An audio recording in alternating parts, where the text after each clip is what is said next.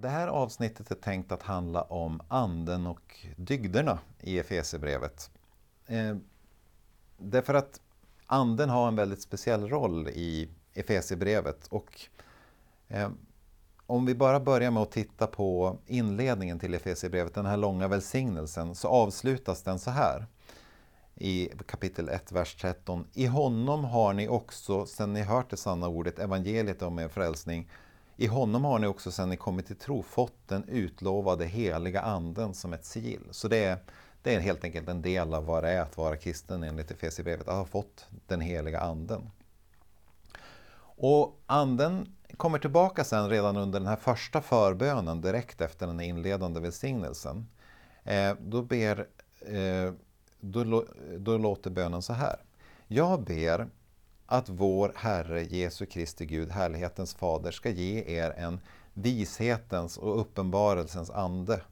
Och det här vishetens och uppenbarelsens ande, det är inte en särskild ande, utan det är anden när den kännetecknas av vishet och uppenbarelse. Eh, som låter er få kunskap om honom. Må han ge ert inre öga ljus så att ni kan se vilket hopp han har kallat, oss till, eh, kallat er till. Så här ber han då att, de, att anden ska helt enkelt ge dem vishet och uppenbarelse.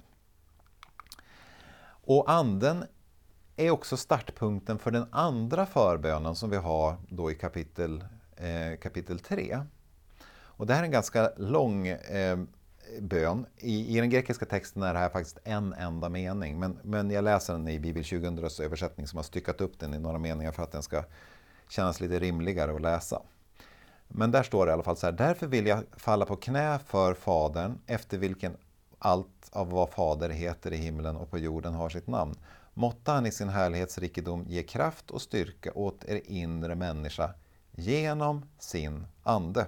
Där kommer anden då.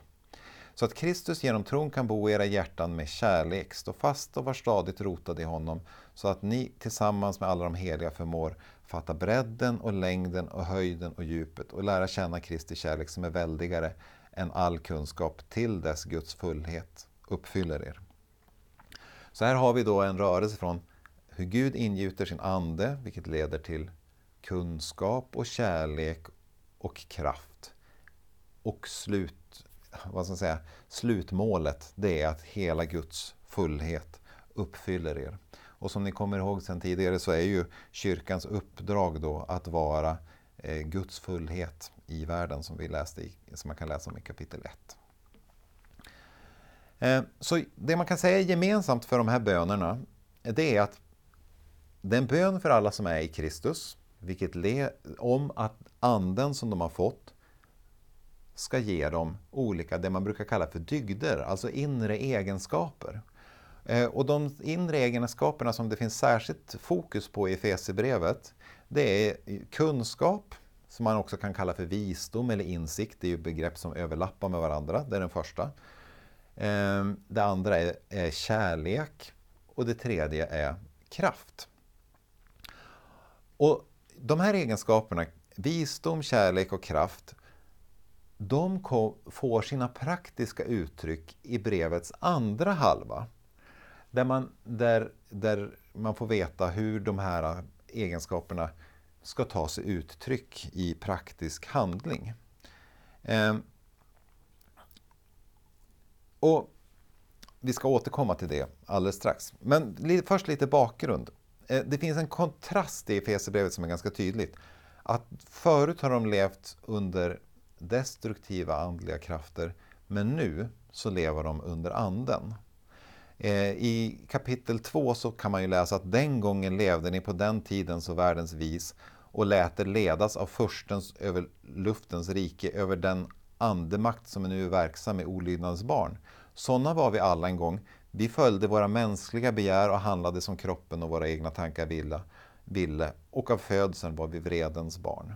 Så här, här är tanken då att de här andra krafterna, som vi ska prata mer om sen, de, de inspirerar då eh, destruktiva begär och handlingar eh, på olika sätt. Men i kontrast då, så, så, som vi redan har sett då, så kan man ju då se då att Efesierbrevet tänker att nu när ni har i Kristus har fått anden, då inspirerar anden till den här kärleken, kraften, kunskapen som då leder fram emot att faktiskt kunna göra det som är gott och rätt. Och det kan man ju alltid diskutera, hur realistiskt känns det i våra egna liv? För det vet man ju, vi människor, att vi klarar inte alltid av att göra det som är eh, gott och rätt. Eh, men där får man nog komma ihåg att Efesierbrevet vill ju inspirera och man får nog se det här mer som, kanske lite mer som uppmanande än som någonting som ett faktum om hur det är. Det är liksom mer så här, så här bör ni sträva efter att eh, vara som kristna. Eh, och det blir ganska tydligt till exempel eh, i kapitel 4, vers 22 23 där, där han säger så här att Därför ska ni sluta leva som förut. Ni ska lägga av er den gamla människan. Så det här är ju en uppmaning. Inte så här, det står ju inte så här, därför har ni slutat leva som förut och lagt av er den gamla människan. Därför ska ni sluta leva som förut. Ni ska, ni, ni ska lägga av er den gamla människan som går under. Och så ska ni iklä den nya människan. Så det finns ett, en tydlig medvetenhet om att okej, okay, anden kan hjälpa med de här sakerna men det är ingenting som sker med automatik enligt Efesierbrevets eh, tankevärld. Men ett par exempel då. Ehm, vi hinner inte gå igenom allt, men ganska tydligt. Till exempel i kapitel 5, vers eh, 1 och framåt, så står det då Lev, det här viktiga lev som återkommer hela tiden. Lev i kärlek, så som Kristus har älskat oss och utlämnat oss. Eh, utlämnat sig själv för vår skull, som en offergåva, ett välluktande offer åt Gud. Otukt och annan orenhet eller själv, själviskhet får inte ens vara tal om bland er. Det anstår inte de heliga. Inte heller oanständigt och tanklöst eller lättsinnigt tal. Sådan passar sig inte, utan bara tacksägelse till Gud. Så här, så här är ju budskapet. Det praktiska uttrycket för kärlek är, ja det är alla möjliga saker i den här texten, men, men särskilt ett betoning på hur talar ni till varandra? På vilka sätt talar ni till varandra? Ehm, ett annat exempel är, är några verser senare i kapitel 5, vers 15. Se alltså noggrant upp med hur ni lever. Och det här kommer det här lever tillbaka igen. Inte som ovisa människor utan som visa. Så här kommer det här kunskaps och vishetstema tillbaka.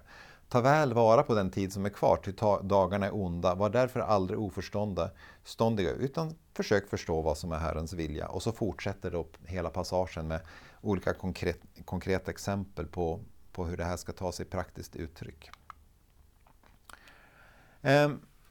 Jag vill passa på att säga två saker eh, om anden. Eh, därför att det finns två stycken passager som har missbrukats lite grann i Efesierbrevets historia, tolkningshistoria.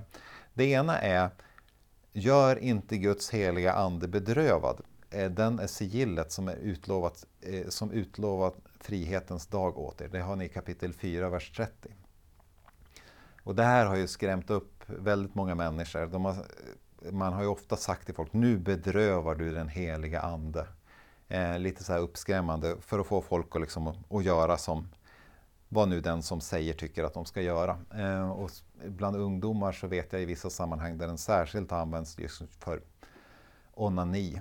Passagen handlar inte alls om onani, det handlar om helt andra saker. Det kan ni gå in och läsa själv. Men, men det, det här tycker jag är en vers som inte ska användas för att skrämma upp folk. Att ni kan gå miste om den heliga Ande och därmed också förlora sigillet eh, som, som är räddar er på den yttersta dagen. Utan det här är någon slags det är en sammanfattning helt enkelt i slutet av en passage för hur man ska leva i praktisk handling som ett uttryck för det som anden inspirerar.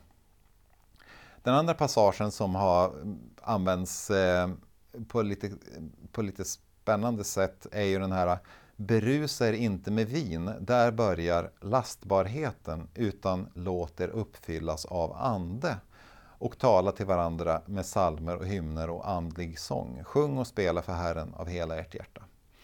Och den här texten har ju ofta då av goda skäl. Det finns ju väldigt goda skäl att, speciellt under eh, slutet av 1800-talet och början av 1900-talet där det fanns stora problem med alkohol i, i, i Sverige, och det finns det ju idag också ska vi säga, att använda den här passagen och säga om man dricker alkohol så, så eh, är det motsatsen till att låta sig uppfyllas av ande i största allmänhet.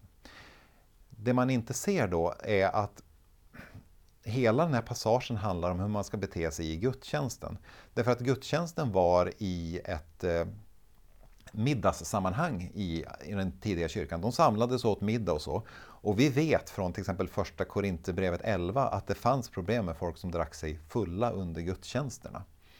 Eh, och det är i det sammanhanget som vi ska förstå den här att när ni, när ni samlas och äter tillsammans och firar gudstjänst då, då ska ni inte satsa på att bli berusade av vin utan ni ska uppfyllas av heliga ande. Och det blir uppenbart sen att det handlar om ett gudstjänstsammanhang eftersom det står och tala till varandra med salmer och hymner och andlig sång. Eh, det finns för överhuvudtaget ingen konsekvent regelverk vad det gäller vin och, Eh, och sådana saker i Bibeln utan det är en sak som man måste diskutera på kanske mera principiell nivå. Vad är ansvarsfullt? Vad är kärleksfullt? Ehm, och, så, och det är en diskussion som man såklart kan föra i kyrkan. Men det går inte att slänga sig med den här versen för att eh, säga att det är motsatsen till att låta sig uppfyllas av ande i största allmänhet. Att, eh, att ta ett glas vin eller ett glas öl. Nåja, det finns mycket att samtala om eh, vad det gäller det här tankemönstret. Att kyrkan är i Kristus, jag är i Kristus, vi har fått del av Anden, jag har fått del av Anden som vill ge oss vishet, kärlek och kraft som då idealt sett ska utmynna i goda handlingar. Hur kan man tillämpa det här i en ny tid? Ehm, det finns ju en del fällor i det här. Ehm, det skapar ju å ena sidan identitet att säga att vi är de som har anden till skillnad från de andra. Men det kan ju också skapa onödigt skarpa gränser så det är värt att diskutera. Hur, hur, hur, hur pratar man om de här sakerna på ett sätt så att man inte skapar onödigt skarpa gränser? Men samtidigt, att ha fått, en del av, ha fått del av anden är ju en del av, av, av kyrkans identitet enligt Efesierbrevet. Ehm, och hur kan man prata om, på ett glädjefullt sätt om att ha fått ta del av anden utan att få panik när vi inte klarar av att göra alla de här sakerna som till exempel Efesierbrevet säger att vi ska klara av att göra och vara sådär goda i praktiken. Och en sista fråga är, är det med nödvändighet alltid samma handlingar som är ett uttryck för vishet och kärlek och kraft i våran tid som det är i Fesebrevet? Eller kan man på den här praktiska nivån kanske ibland behöva säga att ja, men i våran tid så är det de här sakerna som är viktiga eh, uttryck för, för kärlek och vishet och kraft. Det var det jag hade att säga om anden i Efesierbrevet.